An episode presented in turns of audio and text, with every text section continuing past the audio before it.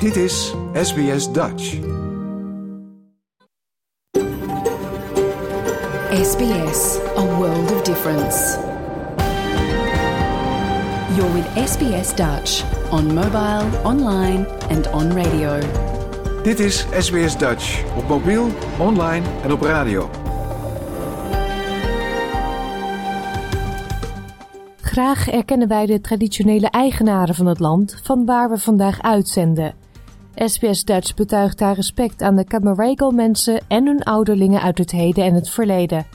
Ook erkennen we de traditionele eigenaren van alle Aboriginal en Torres Strait Islander landen van waar u vandaag naar ons programma luistert. Een hele goede morgen. Mijn naam is Paulien Roesink. Het is zaterdag 4 februari 2023 en u luistert naar SBS Dutch, het Nederlandstalige radioprogramma van SBS. Vandaag in deze uitzending een gesprek met politieagent Roy Verhoeven. De afgelopen dagen bezocht hij samen met vier andere Nederlandse collega's van Roze in Blauw een LGBTQI-conferentie voor wetshandhavers in Melbourne. Ook praten we met Suzanne Visser. Zij woont al 23 jaar in Alice Springs en vertelt over de ernstige problemen waarmee de stad momenteel te kampen heeft. En we bellen met Jeff van Altena. Hij is de eigenaar van de Dutch Shop in Perth en die winkel staat sinds kort te koop. Wij vroegen ons af waarom. Dat en het willekeurige weekoverzicht en muziek allemaal straks. Nu eerst het nieuws.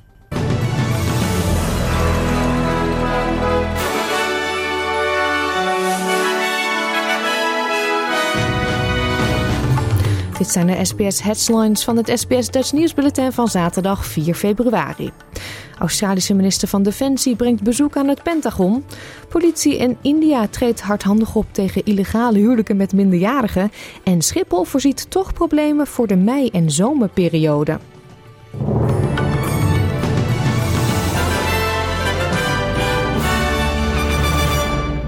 De Amerikaanse minister van Defensie Lloyd Austin heeft de Australische minister van Defensie Richard Miles op bezoek gehad in het Pentagon. De twee spraken over de veiligheid in de Indo-Pacific en AUKUS. AUKUS is het trilaterale veiligheidspact tussen Australië, het Verenigd Koninkrijk en de VS dat in 2021 werd afgesloten. Minister Austin zegt dat er aanzienlijke vooruitgang is geboekt met betrekking tot de Australische conventioneel bewapende nucleair aangedreven onderzeeërsvloot. Minister Miles zegt dat de uitdagingen toenemen in zowel de bredere regio van Australië als wereldwijd. En vandaar dat de strategische behoefte aan allianties en partnerschappen zoals AUKUS belangrijk zijn. There is a, a really uh, profound sense of shared mission right now um, between our countries uh, in a world where global, the global rules-based order is under pressure um, and where countries which stand for it need to be working together as we are uh, to uphold it so that we do um, enjoy a free and open world. And we see, obviously, the global rules-based order being under pressure in Ukraine. We see it in the Indo-Pacific as well. De twee ministers wisselden ook van gedachten over de aanstaande openbare publicatie van de Australian Defence Strategic Review. Amerikaanse minister van Buitenlandse Zaken, Anthony Blinken, heeft uitleg gegeven waarom hij het noodzakelijk vond om een gepland bezoek aan China dit weekend uit te stellen. De beslissing volgde nadat een Chinese spionageballon was gedetecteerd die over de Verenigde Staten vloog. Washington bestempelde deze daad als een schending van het luchtruim, de soevereiniteit en het internationaal recht. Ambtenaren overwogen het neer te schieten, maar deden dat toch niet om veiligheidsredenen. China beweert dat het gaat om een door harde wind uit koers geraakte ballon voor meteorologisch onderzoek. Het uitstellen van de reis van Blinken is een tegenslag voor beide partijen, die het zag als een kans om de betrekkingen te stabiliseren. We continue to track and monitor the balloon closely. We're confident this is a Chinese surveillance balloon. Once we detected the balloon, the U.S. government acted immediately to protect against the collection of sensitive information. That it's an irresponsible act, and that the PRC's decision to take this action on the eve of my planned visit is detrimental to the substantive discussions that we were prepared to have. Het plan van de federale regering om 250 miljoen te investeren in een herziening van het Australische Medicare-systeem ligt onder vuur. Het plan zou niet ver genoeg gaan. De Australian Association of Psychologists is een van de gezondheidsorganisaties die pleiten voor een verhoging van de rebates van Medicare. Volgens directeur Tegan Carrison zijn de hoge kosten de grootste belemmering voor mensen van toegang tot gezondheidszorg. De Australian Medical Association, de AMA, zegt ook dat het onlangs uitgebracht rapport geen oplossingen biedt op korte termijn. EMA-president Steve Robson zegt dat artsen en patiënten onder grote druk staan vanwege het tekort aan huisartsen en de lange wachtlijsten voor electieve chirurgie. En dat mensen geen tijd hebben om te wachten tot langetermijnmaatregelen van kracht worden. There is absolutely nothing in the report at the moment uh, that will provide anything immediate, and that is what we need. We know that the budget uh, is coming in May, and Australians expect that this is going to be a health budget. De nationale richtlijnen voor obesitas gaan op de schop. De federale overheid heeft onderzoekers van de Deakin University in Victoria opdracht gegeven om de huidige richtlijnen te beoordelen. Daaropvolgend zullen zij aanbevelingen doen om Australia's Clinical Practice richtlijnen voor het managen van obesitas aan te passen. De bestaande richtlijnen zijn al tien jaar lang niet bijgewerkt. Australië heeft een van de hoogste percentages zwaarlijvigheid ter wereld. Er is een noodwaarschuwing voor bosbranden afgegeven voor communities in de Shire of Nanup, ten zuidoosten van Busselton in WA. Bewoners krijgen het advies to act immediately to survive. Volgens Parks and Wildlife Service beweegt het vuur zich snel en is de brand niet onder controle. De Europese Unie heeft aangekondigd om op 24 februari haar tiende pakket maatregelen tegen Rusland te lanceren. Die dag is het precies een jaar geleden dat Rusland Oekraïne binnenviel. De EU bevestigde ook dat het geen tijdspad zal opstellen voor toetreding van Oekraïne tot het blok. President Volodymyr Zelensky had gehoopt dat het EU het lidmaatschap van Oekraïne zou bespoedigen. Maar Ursula von der Leyen, voorzitter van de Europese Commissie, en Charles Michel, voorzitter van de Europese Raad, zeggen dat er eerst nog heel veel moet gebeuren, maar dat het uiteindelijk zal worden afgerond. The EU will support you in every way we can for as long as it takes.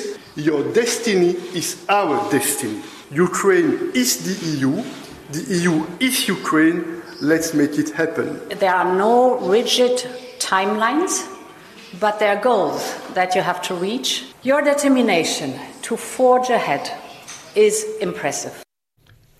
Nu de oorlog in Oekraïne bijna een jaar voortduurt, waarschuwt William Burns, de directeur van het Amerikaanse Central Intelligence Agency, de CIA, dat de komende zes maanden cruciaal worden voor Oekraïne. De CIA gelooft dat de Russische president Vladimir Poetin van de lange adem is en als doel heeft om de Oekraïners neer te halen en de Europese steun uit te putten. Hij noemt ook de ontwikkelende militaire relatie tussen Rusland en Iran zorgwekkend.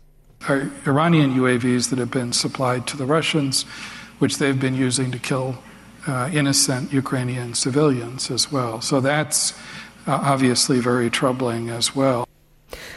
Hij waarschuwde ook dat Afrika een punt van zorg is in verband met Rusland en zei dat Rusland steeds meer invloed krijgt in Mali en Burkina Faso.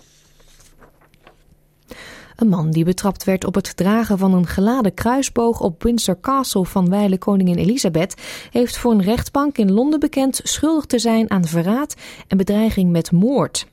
Jaswant Singh Chal zei toen hij op eerste kerstdag 2021 werd gearresteerd. Ik ben hier om de koningin te vermoorden.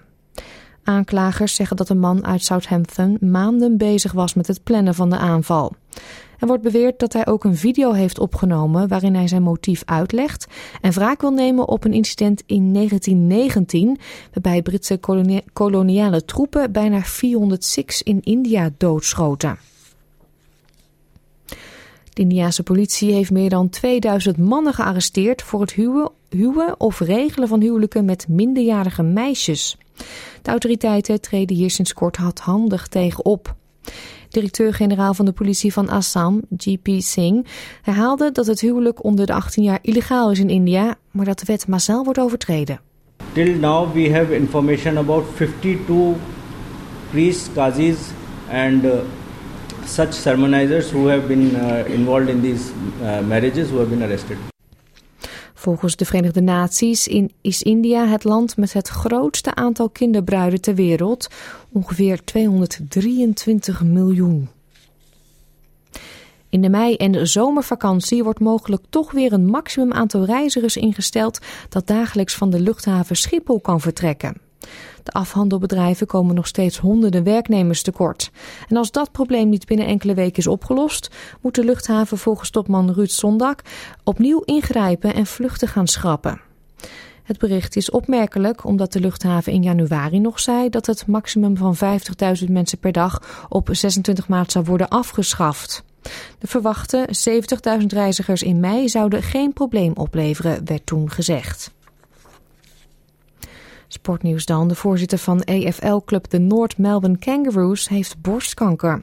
Sonja Hoed zegt in shock te zijn, maar verwacht volledig te herstellen. Ze vertelde dat er tijdens een routinecontrole een knobbeltje werd ontdekt. Die zal in de komende weken operatief worden verwijderd. Ze zegt dat ze het routineonderzoek bijna had overgeslagen en moedigt anderen aan om regelmatig medische controles te ondergaan. De wisselkoers dan. Voor 1 Australische dollar krijgt u op dit moment 64 eurocent. En 1 euro is op dit moment 1,56 dollar waard.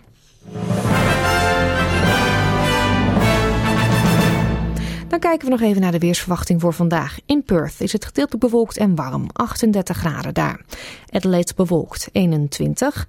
Melbourne enkele buien en de wind neemt daar af, 21. Er vallen buien in Hobart, 18. Er staat een stevige wind in Canberra. Het is daar gedeeltelijk bewolkt, 18 graden. Wollongong zonnig, 26. Sydney en Newcastle daar zonneschijn, 29 graden. In Brisbane is het bewolkt, 33.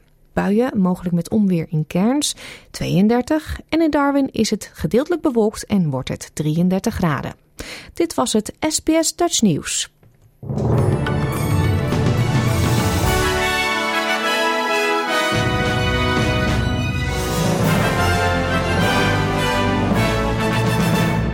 Nogmaals een hele goede morgen en welkom bij SBS Dutch. Straks een gesprek met Suzanne Visser over de situatie in Alice Springs, maar we beginnen in Melbourne. Want daar vond deze week een LGBTQI-conferentie plaats voor mensen uit het politievak en andere beroepsgroepen die te maken hebben met wetshandhaving. Roy Verhoeven is een van de vijf Nederlandse politieagenten die samen met collega's uit in totaal 21 landen de conferentie bijwoonden. We spraken hem gisteren en vroegen hem onder meer naar het Nederlandse netwerk Roze in Blauw en waarom een bijeenkomst zoals in Melbourne nodig is. Roy, voordat we het over de conferentie gaan hebben waarvoor jij in Melbourne bent. Jij bent zelf politieagent in Nederland en jij zet je in voor Roze in Blauw. Kan je me uitleggen wat dat precies betekent, Roze in Blauw? Roze en Blauw is een medewerkersnetwerk binnen de Nationale Politie van Nederland. Inmiddels al 25 jaar bestaat het. En we zetten ons intern en extern in voor de gemeenschap. Intern voornamelijk op het creëren van een veilige haven voor de collega's, voor de LHBT-collega's. Maar ook om het vakmanschap te professionaliseren en collega's te ondersteunen bij, bij die de doelgroep aangaan.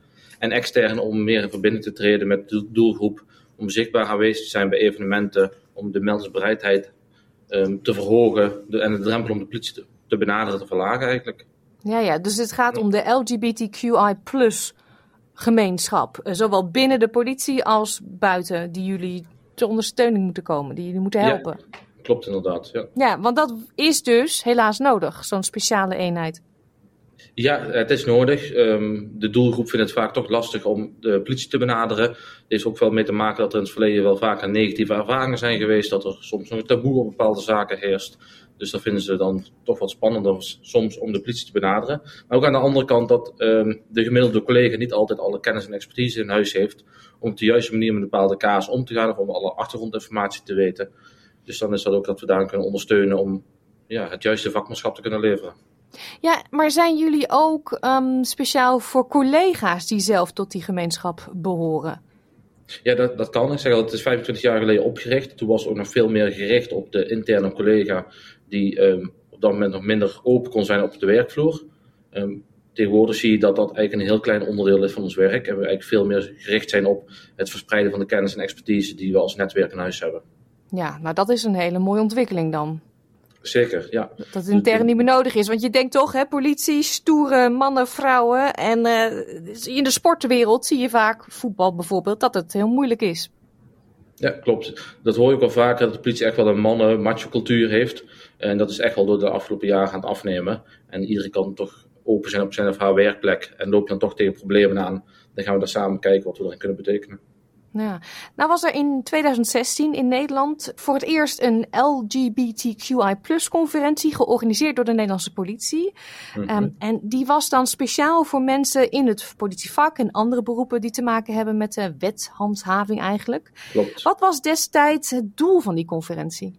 Dat had ermee te maken dat vanuit de Europese Unie de slachtofferrechten werden geïntroduceerd. Dus er werd een richtlijn opgesteld hoe landen, dus ook Nederland, om kan gaan met de rechten van de slachtoffers. En om daar um, aandacht aan te besteden, is toen op een gegeven moment ook de conferentie op touw gezet. En dat had ermee te maken dat die slachtofferrechten zijn vooral gericht ook op kwetsbare slachtoffers. En de LHBTIQA gemeenschap wordt aangemerkt als een kwetsbare doelgroep, omdat ze toch vaker slachtoffer worden van criminaliteit. En op die manier is dat toen gecombineerd vanuit dat project om het invoeren van die slachtofferrechten, om dat te koppelen aan een conferentie. Ja, dus voorlichting. Ja, inderdaad. En uiteindelijk ook om kennis en ervaring met elkaar te kunnen delen, om best practices te kunnen delen en van, vooral van elkaar te kunnen leren en elkaar te kunnen inspireren. Hmm. Ja, waren er toen ook uh, al internationale eenheden die naar Nederland kwamen voor de conferentie? Ja, in 2016 zijn er volgens mij in 20 verschillende landen aanwezig geweest op de conferentie in Amsterdam. En daarnaast bestaat ook al de nodige jaren een Europees samenwerksverband van soortgelijke netwerken als, als Roze en Blauw, um, die ook kennis en ervaring met elkaar uitdelen. Ja, 2016 dus Nederland. In Canada was het in 2019. Dit jaar host Melbourne de conferentie. En daarom ben je dus ook hier in Australië. Geluksvogel, één van de vijf, hè? Ja, een van de vijf collega's inderdaad. Fantastische ervaring om ook hier te mogen zijn namens de nationale politie. En de politie hier te mogen vertegenwoordigen. Ja, in uniform. Ook dat, ja. We hebben het geluk dat wij inderdaad aanwezig mogen zijn in uniform. Dus we zetten in ons uniform in de conferentie uh, we zijn zichtbaar, we zijn herkenbaar als Nederlandse politie. En dat horen we ook terug in de verhalen die we hier opvangen, de gesprekken die we voeren. Want er wordt ook regelmatig gerefereerd naar de eerste conferentie in Amsterdam, die eh, ja, dit hier in Australië ook bewerk heeft gesteld. Ja, ja. Zie je ook eh, verschil tussen Nederland, Canada en nu Australië? Zie je al iets positiefs veranderen bijvoorbeeld? Ik denk dat het heel mooi is dat landen openstaan om kennis en ervaring op te gaan doen. Dus ze zijn aanwezig bij de conferentie. Um, we zijn allemaal op zoek naar bruikbare zaken die we in ons eigen land kunnen omzetten naar concrete dingen. Ieder land heeft natuurlijk zijn eigen wetgeving en zijn eigen manier van werken te maken. Maar het gaat voornamelijk ook om de maatschappelijke ontwikkelingen um, te delen met elkaar. En hoe ga je bijvoorbeeld daarmee om? Als voorbeeld daarbij, hoe ga je om met uh, online criminaliteit die steeds meer naar voren komt? Hoe ga je om met nieuwe termen, nieuwe vormen van genderidentiteit die in de maatschappij optreden? En om dat met elkaar te bespreken en daar weer het politiewerk te kunnen aanpassen. Ja, want daar hebben jullie als politie ook gewoon heel veel mee te maken. Zeker, ja. De maatschappij verandert constant en wij als politie zullen daar in die ontwikkelingen mee moeten gaan. En um, soms is het ook heel fijn om van andere landen die daar misschien in voorop lopen, um, te kunnen horen ja, hoe zij dingen aanpakken. En andersom kunnen wij weer ervaring en kennis die wij in, als Nederland in huis hebben, weer verspreiden in andere landen. Ja, is er in de afgelopen dagen een land geweest waarvan je hebt gehoord, zo pakken we het aan, waarvan je denkt, nou dat moeten wij meenemen terug naar Nederland?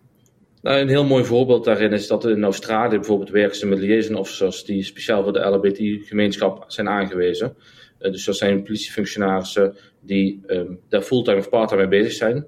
Um, in Nederland hebben we dat niet op die manier ingericht. In Nederland hebben we dus het netwerk roze en blauw, wat kan adviseren en kan ondersteunen. Maar in Australië is het bijvoorbeeld een, functie, en dat is wel iets heel moois wat we ook wel mee gaan um, naar Nederland. Ja, andere voorbeelden? We hebben van, vandaag ook een uh, workshop gehad over hoe om te gaan met sekswerkers. En ook daar kun je dan weer verschillen zien hoe bepaalde landen omgaan met sekswerkers. Um, ja, sommige landen lopen ze tegen meer problemen aan dan andere landen. Dus ook dat zijn mooie dingen om daarmee om te gaan. Ja, ja, ja. Nou, Nederland staat toch wel bekend als een heel vrij land. Australië is toch wel op veel vlakken wat conservatiever nog. Merk je dat binnen de politie, als je het vergelijkt? Nou, we, we, hebben veel verhalen gehoord van ook voorbeelden hoe het bijvoorbeeld uh, binnen Victoria uh, geregeld is. En daarin merken we wel dat ze um, hele mooie stappen in Australië hebben gezet. Ook als je het hebt over um, een huwelijk tussen twee mensen van hetzelfde geslacht.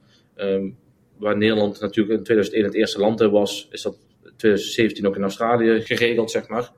dus het is mooi om te zien dat, dat er landen meegaan met andere landen en dat, dat daarin zo'n voorbeelden opgevolgd worden. Ja, helemaal mee eens. Ja.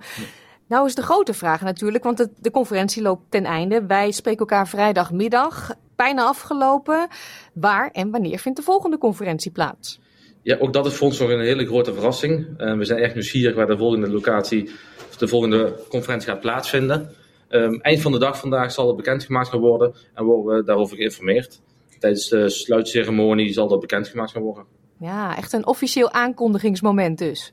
Ja, zeker. Zo is het eigenlijk ieder jaar. Op het einde van de conferentie, tijdens de laatste sluitingsceremonie, wordt uh, de volgende locatie bekendgemaakt. Ja, en dan heb je nog uh, even tijd om te genieten van Melbourne of moet je meteen weer terug hup, naar Nederland? Wij hebben het geluk dat we aankomende zondag nog mogen deelnemen aan de Pride March die gaat plaatsvinden in Melbourne. Waarin wij als Nederlandse politie ook in uniform zullen meelopen met uh, verschillende andere landen. En uh, dat zal ook een fantastische ervaring worden. En aansluitend gaan wij richting het vliegveld en mogen we weer naar huis toe. Ja, en als nou die uh, volgende conferentie waar dan ook is, mag jij daar dan weer heen? Of uh, is dat uh, duimen draaien en hopen? Uh, dat zullen we dan moeten zien. Iedere keer wordt er een sollicitatieprocedure opgezet, selectieprocedure. Um, ja, voor collega's die graag willen anticiperen daarin. En dan wordt er gekeken wie daarin het beste past binnen het plaatje wat ze op dat moment willen wegzetten als Nederlandse politie. Ja, nou dankjewel Roy uh, dat je wilde vertellen hierover. Uh, goed werk wat jullie doen, ook met roze in blauw. En uh, geniet nog even van Melbourne zolang het kan. Dankjewel, dat gaat zeker goed komen. U hoorde Roy zojuist zeggen dat hij nog niet wist waar de volgende conferentie zou plaatsvinden. Nou, inmiddels is het onthuld dat het volgende evenement over twee jaar plaatsvindt in het Amerikaanse Austin in Texas. En dan is het nu tijd voor een overzicht van enkele belangrijke, bijzondere en spraakmakende nieuwsberichten uit Nederland van de afgelopen week met dank aan de NOS en Omroep Brabant.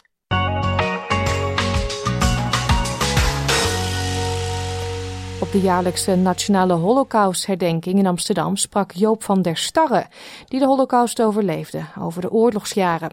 En dit soort verhalen maken na al die jaren nog steeds heel veel indruk. Mijn jongste nichtje, Mia Waterman, is vier jaar als zij in Sobibor aankomt en direct wordt vermoord. Mijn ouders, mijn broer en mijn zus, wij overleven de oorlog. Maar mijn moeder, geboren in dat grote Joodse Amsterdamse gezin, verliest in minder dan vijf jaar bijna iedereen die haar lief is. Bent u vroeger wel eens op schoolreisje geweest? Met een aantal klassen van school in de bus naar bijvoorbeeld een pretpark of een grote speeltuin? Nou ja, vanwege stijgende kosten zijn veel schoolreisjes dit jaar minder spectaculair, minder lang en vooral minder ver weg. Op de Harm Smengen school in Drenthe gaan de kinderen dit jaar op pad met de fiets. En hoewel ze in eerste instantie niet heel blij zijn als ze horen dat ze een uur heen en een uur terug moeten fietsen. Yeah. Begrijpen ze wel waarom de beslissing is gemaakt. Wie weet waarom wij nu op de fiets gaan in plaats van met de bus? Omdat ouders steeds minder het betalen voor schoolreisjes. Omdat, uh, omdat de bussen steeds duurder worden en ook de benzine en zo. En dan kost het veel meer geld om een bus, bus te huren. Wij willen de kosten een beetje laag houden, ook voor de ouders. En uh, daarom kiezen wij ervoor om zo'n schoolreisje te organiseren. Maar het is ook nog gezond. En fietsen is gezond. We hebben een sportieve schoolreis. Ik vind het raar, maar het is wel terecht. Want ja. ja, ouders betalen er wel heel veel voor. Ja, het is ook wel leuk, want je bent wel met vrienden aan het fietsen. En na, als je alleen een uur moest fietsen, dat was niet zo leuk, denk ik. Nou, die gaan vast een hele leuke dag hebben. Mooi dierennieuws uit de Wildlands Adventure Zoo in Emmen, want daar is van de week een olifantje geboren.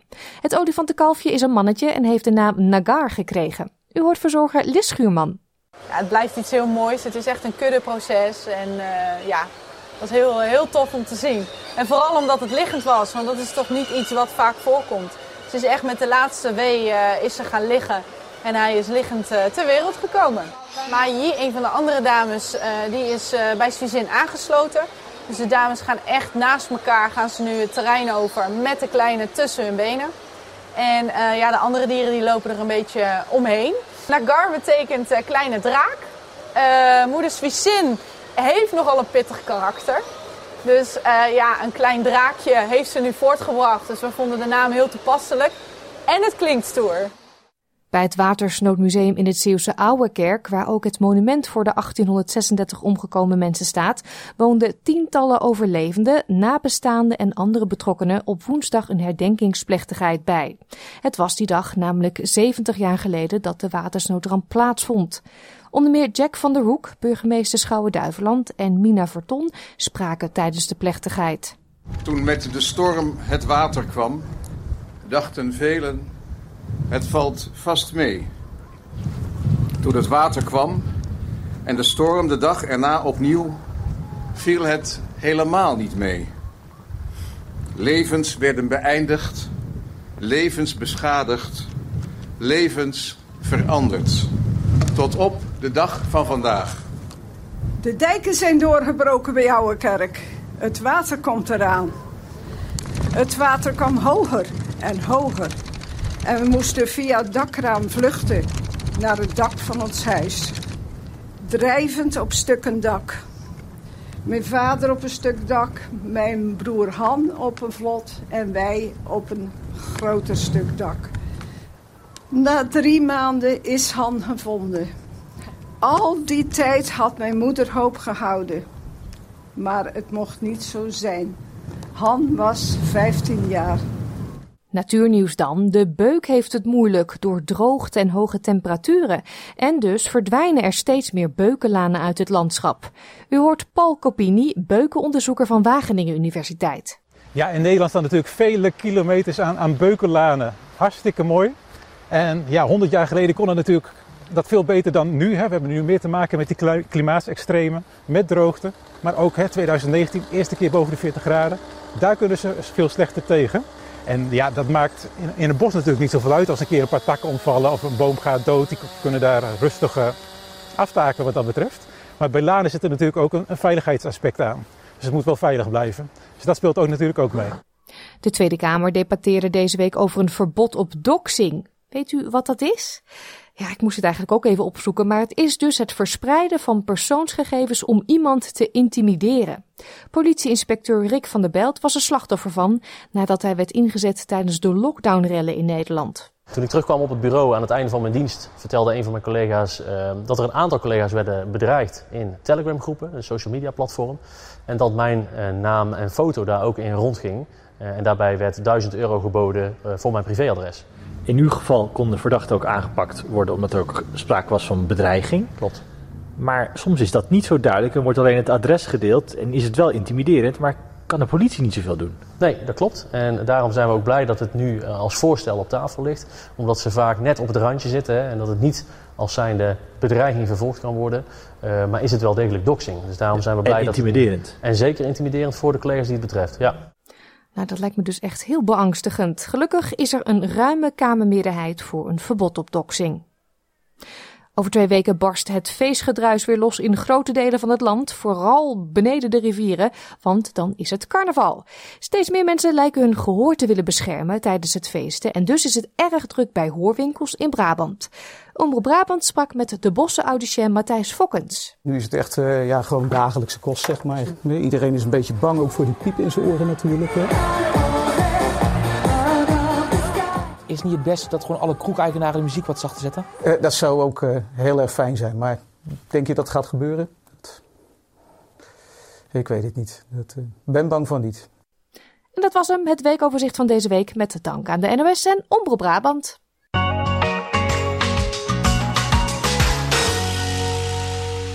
Ja, dat was even schrikken voor de Nederlanders in Perth en omgeving, want de Dutch Shop al daar staat te koop.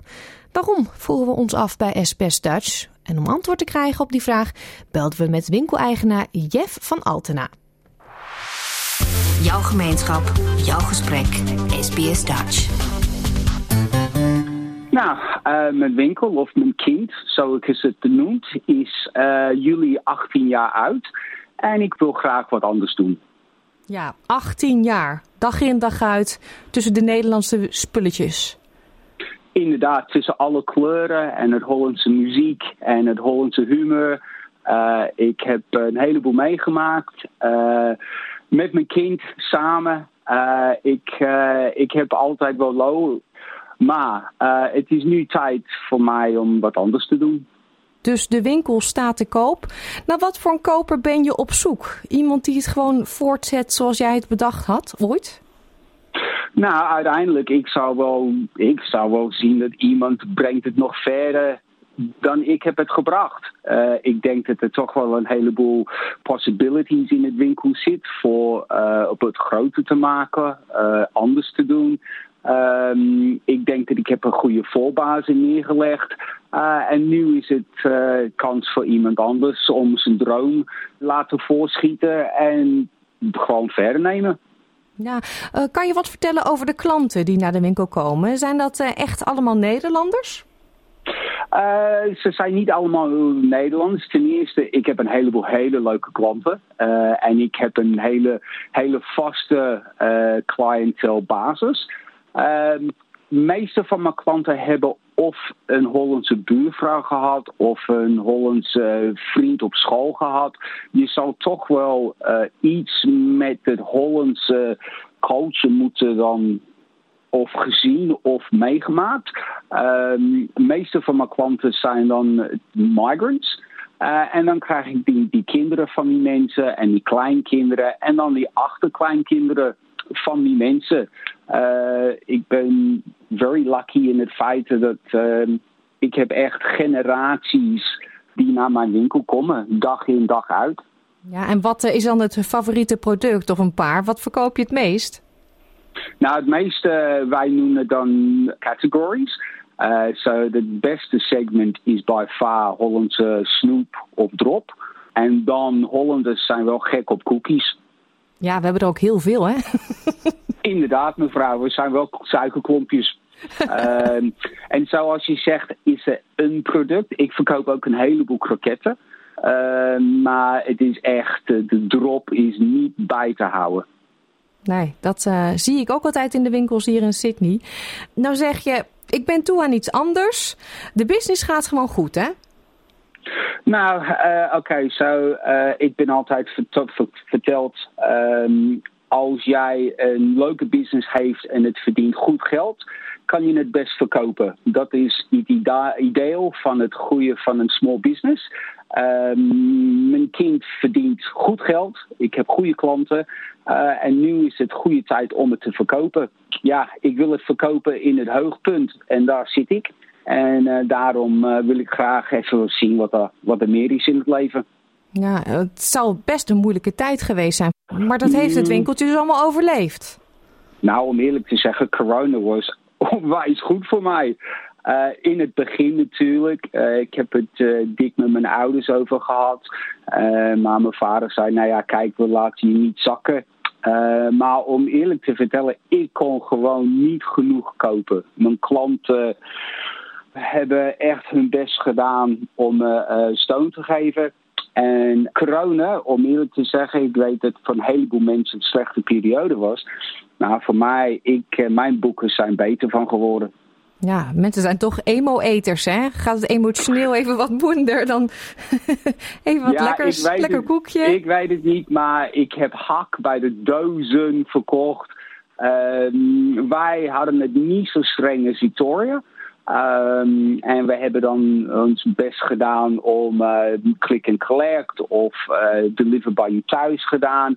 Maar um, eerlijk, corona was heel goed voor mij. Ik heb helemaal niks over dat mevrouw te vertellen.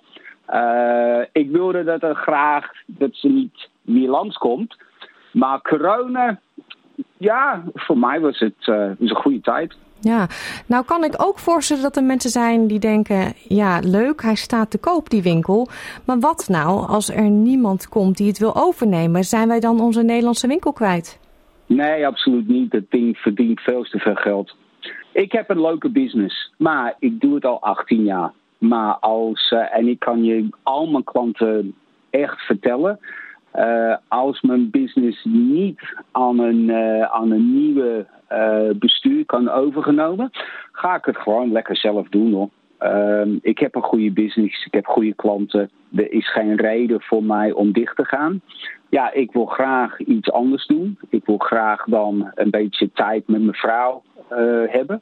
Maar ik ga het ook niet, uh, die business laten zakken, omdat het is gewoon veel te veel geld voor mij. Nou, dat is een hele. lekker. Nou, en dat is natuurlijk een hele fijne geruststelling voor de Dutchies in Perth. Dankjewel, Jeff, en um, succes met wat je in de toekomst gaat doen. Inderdaad, ik heb er zin in, uh, in wat voor me legt. En we zien het. En ik wil graag aan al mijn klanten laten weten dat je zijn allemaal welkom. We hebben allemaal een beetje gelachen. Ze kennen me allemaal. Ik kan jullie allemaal. Um, voor 18 jaar, ik heb klanten die regelmatig bij mijn deur langskomt. En daar ben ik zeer dankvol voor.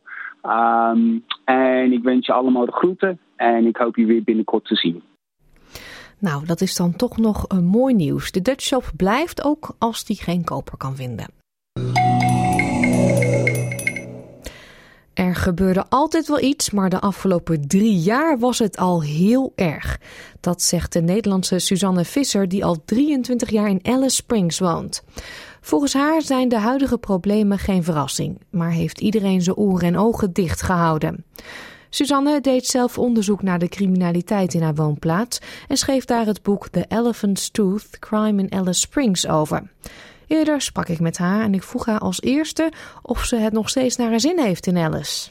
Ondanks uh, de problemen die we uh, tegenwoordig hebben, is dit een hele mooie omgeving. En uh, het is een hele fijne community, een hele zorgzame community. Um, maar we hebben dit, dit probleem nu van hele jonge mensen die hele erge misdaden begaan. Hmm. Ja, waar moet ik aan denken? Uh, kinderen vanaf acht jaar, zoiets, en soms zelfs jonger.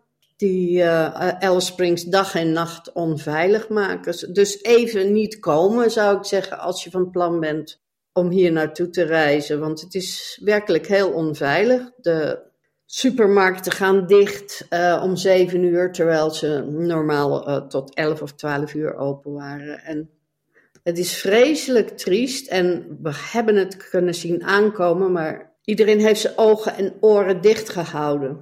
Ja, want dat is mijn vraag inderdaad. Wij horen daar in andere delen van het land nu de afgelopen week ja, dingen over. Ja, het is al drie jaar aan de gang dat het zo erg is. Het is altijd een beetje zo geweest. Ik heb een um, achtergrond in law, in het recht. Ik heb er een boek over geschreven. The Elephant's Tooth, Crime in Alice Springs. Ik heb 2,5 jaar niets anders gedaan dan onderzoek naar dit probleem.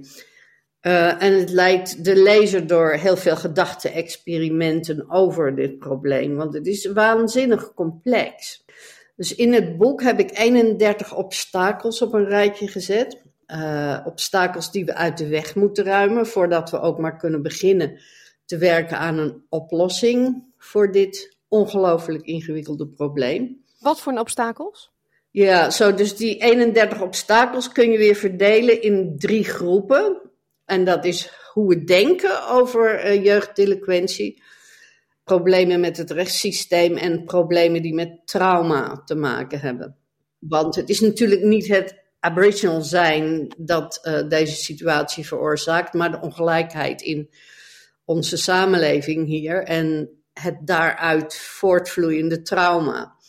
Dat is waar we over na moeten denken. En dat wordt nooit gedaan. Of altijd van die snelle. Nu, nu is dus um, Albanese hier geweest voor twee uurtjes. Ja, een bliksembezoek. En toen zijn al die kinderen. Die zijn allemaal um, in bussen gestopt en naar Simpsons Gap gereden, 18 kilometer buiten Alice Springs. En daar hebben ze een barbecue genoten. Terwijl Albanese in town was. Weet je, dat soort dingen. Want was het anders te onveilig voor hem? Nou, dan zou hij dingen zien die uh, niet zo prettig zijn, dus die wij elke dag zien. Maar daarvoor zou die daar toch zijn, denk je, om te zien hoe erg het ja, is? zo gaan die dingen kennelijk. En deze kinderen die opereren in gangs. En het is een beetje um, beetje anders dan in normale gangs. Laat ons zeggen, we kennen de gangs van uit Amerika. Dit zijn familieleden van elkaar. Nou zijn er heel gecompliceerde, gecombineerde wetten van complicity, uh, medeplichtigheid en mandatory sentencing, uh, verplicht veroordelen. En die maken dat deze kinderen wel eens hele lange gevangenisstraffen zouden kunnen krijgen. En gevangenisstraffen, en specifiek lange gevangenisstraffen, leiden tot herhaling en tot hele hoge recidieve cijfers. Of erger. En in het geval van Alice Springs zijn het vaak uh, familieleden die die gangs vormen. Dat, dus dit kan leiden tot gevangenisstraffen voor hele families. Ja. Met alle ellende van dien. En uh, de leeftijd voor criminele verantwoordelijkheid is met twee jaar omhoog gegaan in de Northern Territory, van tien jaar naar twaalf jaar. Dus wij hadden tot voor tienjarigen in de gevangenis zitten. En dan wordt meteen uh, de vraag belangrijk van wat moet er dan gebeuren met die kinderen tussen 6, 7, 8 en 12? Die kinderen vallen nu door alle vangnetten heen. Maar er lopen dus 6, 7, 8-jarigen op straat mensen te beroven. Ja, met messen en weet ik wat allemaal. Ja. ja. Voel jij je dan wel veilig daar? Nou, wij hebben een hond. Dat is een hele goede oplossing. En wij wonen in een tamelijk rustig buurtje. Dus wij hebben hier nog niet veel moeilijkheden gehad. Maar dat wil niet zeggen dat dat nog kan komen. Want in de nabije buurt zijn er al heel veel inbraken geweest en, en andere ellende. Nou, de oudere kinderen worden vaak opgesloten in Dondale, een heel oud gevangenisgebouw dat afgekeurd werd als volwassenengevangenis. En uh, de omstandigheden daar zijn niet beter dan wat we gezien hebben in 2016 tijdens het Dylan Voller exposé door Four, Corners. Toen kwam de Royal Commission en de aanbevelingen van de Royal Commission toen, de meeste daarvan zijn helemaal niet nagekomen. En er is net een nieuw exposé uitgezonden een paar maanden geleden, ook Four Corners. En dat heeft niet veel aandacht gekregen, maar was net zo ernstig als de Dylan Voller zaak. Hmm. En uh, we moeten dus kijken naar het trauma van de kinderen. En ik gebruik in het boek een metafoor van de olifant Mary, een circusolifant in Tennessee, die publiek werd opgehangen aan een kraan als straf voor moord in 1916. Die olifant had haar temmer doodgeslagen met haar slurf. En toen het dode lichaam van de olifant onderzocht werd, na de ophanging, bleek het dat uh, zij een zwaar geïnfecteerde kies had. Precies daar waar de temmer haar met zijn stok porde in, in haar wang. Die kinderen zijn volgens mij als die olifant. We, we straffen nu geen dieren meer in het rechtssysteem, maar dat was nog zo in 1916. En we denken dat we nu uh, te geciviliseerd daarvoor zijn. Maar zijn we wel zo geciviliseerd als we heftig getraumatiseerde kinderen straffen met gevangenisstraffen. Ja. Je zei, we hebben dit zien aankomen hè, de afgelopen drie jaar. Wat is er veranderd drie jaar geleden dat dit gebeurde? Niets, volgens mij niets. Er is gewoon een langzame soort uitbarsting in slow motion heeft plaatsgevonden. We hebben hier natuurlijk wel de intervention gehad waar het leger um, de Northern Territory in kwam en in alle remote communities kwam helpen. Uh, dat heeft... En daarbij doe je tussen haakjes helpen. Ja. Um, die intervention heeft. Hoe lang heeft die geduurd? 10 jaar, 15 jaar? Ik weet niet meer precies wanneer die begonnen is. Maar um, het heeft heel veel, of zelfs nog meer disempowerment gebracht onder uh, Aboriginal mensen. En dat, ja, dat, dat heeft gevolgen op een gegeven moment. Ja, nou zei je al dat Albanese er uh, een bliksembezoek uh, heeft gebracht. Ja. En tijdens zijn bezoek, of net daarna, werden er maatregelen aangekondigd. En dat is dan alcohol gerelateerd. Wat, wat is de rol daarin? Die zie ik niet als ik jouw verhaal hoor. Nee, ja, er, zijn, er is ook een alcoholprobleem, maar dat is meer onder veel oudere mensen. Ook allemaal Aborigine mensen. Maar dat is niet de kern van het probleem, weet je wel? Niet met de jeugd. Nou, niet, dus er zijn twee groepen die problemen veroorzaken: dronken mannen en kinderen. Die alcohol, dat geldt dan voor uh, de wat oudere um, groepen. Maar dat heeft ook een kernoorzaak, namelijk dezelfde kernoorzaak als bij de kinderen. Waarom gaan mensen drinken? Omdat ze lijden aan ongelofelijke pijn en trauma. Dus dat weet toch iedereen? Maar goed. Uh, nu gaan onze winkels twee dagen, onze drankwinkels twee dagen per week dicht. Dus nou, dat heeft Albanese bedacht in zijn twee uurtjes hier. En wij denken allemaal dat het alleen maar erger zal worden. Omdat ze twee dagen niks hebben kunnen kopen. Ja. Ja, de afgelopen jaren hebben we natuurlijk een liberale regering gehad. Ja. Albanese is van uh, Labour. Mm -hmm. Denk je dat dat verschil gaat maken voor Alice en de problemen nee, daar? Ik denk het helemaal niet. De meeste mensen hier stemmen Labour. Dus nu hebben we weer een Labour government en het maakt allemaal helemaal niks uit. Ik zou die mensen wel door elkaar willen rammelen. Lees mijn boek. Ik heb het aan iedereen opgestuurd, aan, aan alle counselors en aan alle politici in de Northern Territory. Eén counselor heeft gereageerd. Het is een man die uh, een privé leger wil op straat met honden belachelijk idee. En dat heb ik aangevallen in mijn boek. En ik denk dat hij, dat, dat hij alleen maar teruggeschreven heeft omdat hij aangevallen werd in het boek. De, van de rest heb ik niets gehoord. Er wordt niet op gereageerd. Ja, absoluut niet. Maar als ik jou zo hoor, dan, dan zie ik nog niet echt een, een oplossing. 1, 2, 3. Nee, zolang we niet naar de onderliggende oorzaken van dit probleem willen kijken, dan zal het altijd blijven bestaan. En de onderliggende oorzaak is niet zoals Kate Warden, minister van Politie, en nu ook Albo een paar dagen geleden zei, alcohol, maar ongelijkheid en trauma. Mm. En zolang die niet worden aangepakt, zal er niks veranderen.